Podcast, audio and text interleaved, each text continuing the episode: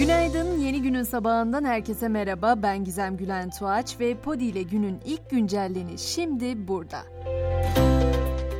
Deprem bölgesinde dün akşam son korkutan sallantı Malatya'da meydana geldi. Saat 22.43'te Malatya'da 4,4 büyüklüğünde bir deprem kaydedildi. Öte yandan bölgede salgın iddialarına Sağlık Bakanı Koca yanıt verdi. Deprem bölgesinde salgının söz konusu olmadığını söyleyen Koca, Adıyaman, Defne, Kırıkan, İskenderun ve Samandağ şebeke suyunun içme suyu olarak kullanılmaması gerektiğini belirtti.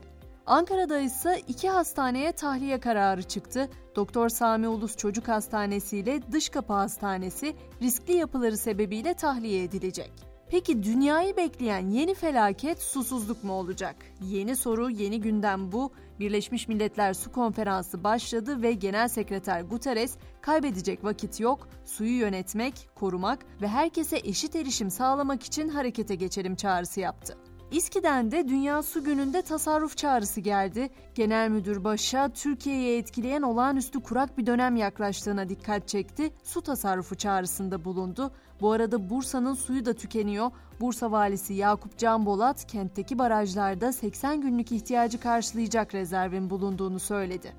Gelelim başkente gündemin öne çıkanları ile ilgili dün akşam Cumhurbaşkanı Erdoğan'ın açıklamaları önemliydi. En düşük emekli maaşının 7500 lira olacağını açıklayan Erdoğan, üniversitelerde online eğitimin bir süre daha devam edeceğini belirtti ve yurtlarımız bizim çok işimizi görüyor dedi.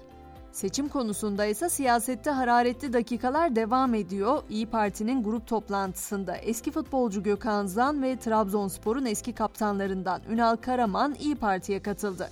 Zan ve Karaman'a rozetini İyi Parti lideri Meral Akşener taktı. Seçmenler tarafından Cumhurbaşkanı adayı gösterilmek isteyenler içinse imza süreci başladı. Başvuruları kabul edilen 11 isim için 100 bin imza toplama sürecinin ilk günü tamamlandı. Buna göre ilk gün Muharrem İnce 28.235, Fatih Erbakan 27.910, Sinan Oğan 15.573, Doğu Perinçek ise 6.679 imza aldı. Bugünse meclisin gündeminde dokunulmazlık dosyaları var. CHP'li Başarır ve İyi Partili Türkkan'ın dokunulmazlıklarına ilişkin rapor bugün genel kurulda görüşülecek. İki vekilin dokunulmazlığı kalkarsa yargı süreci başlayacak.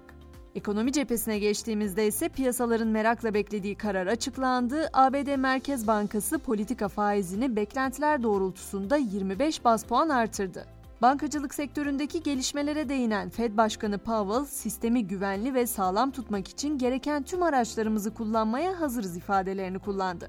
Merkez Bankası Para Politikası Kurulu ise faiz kararını bugün açıklayacak.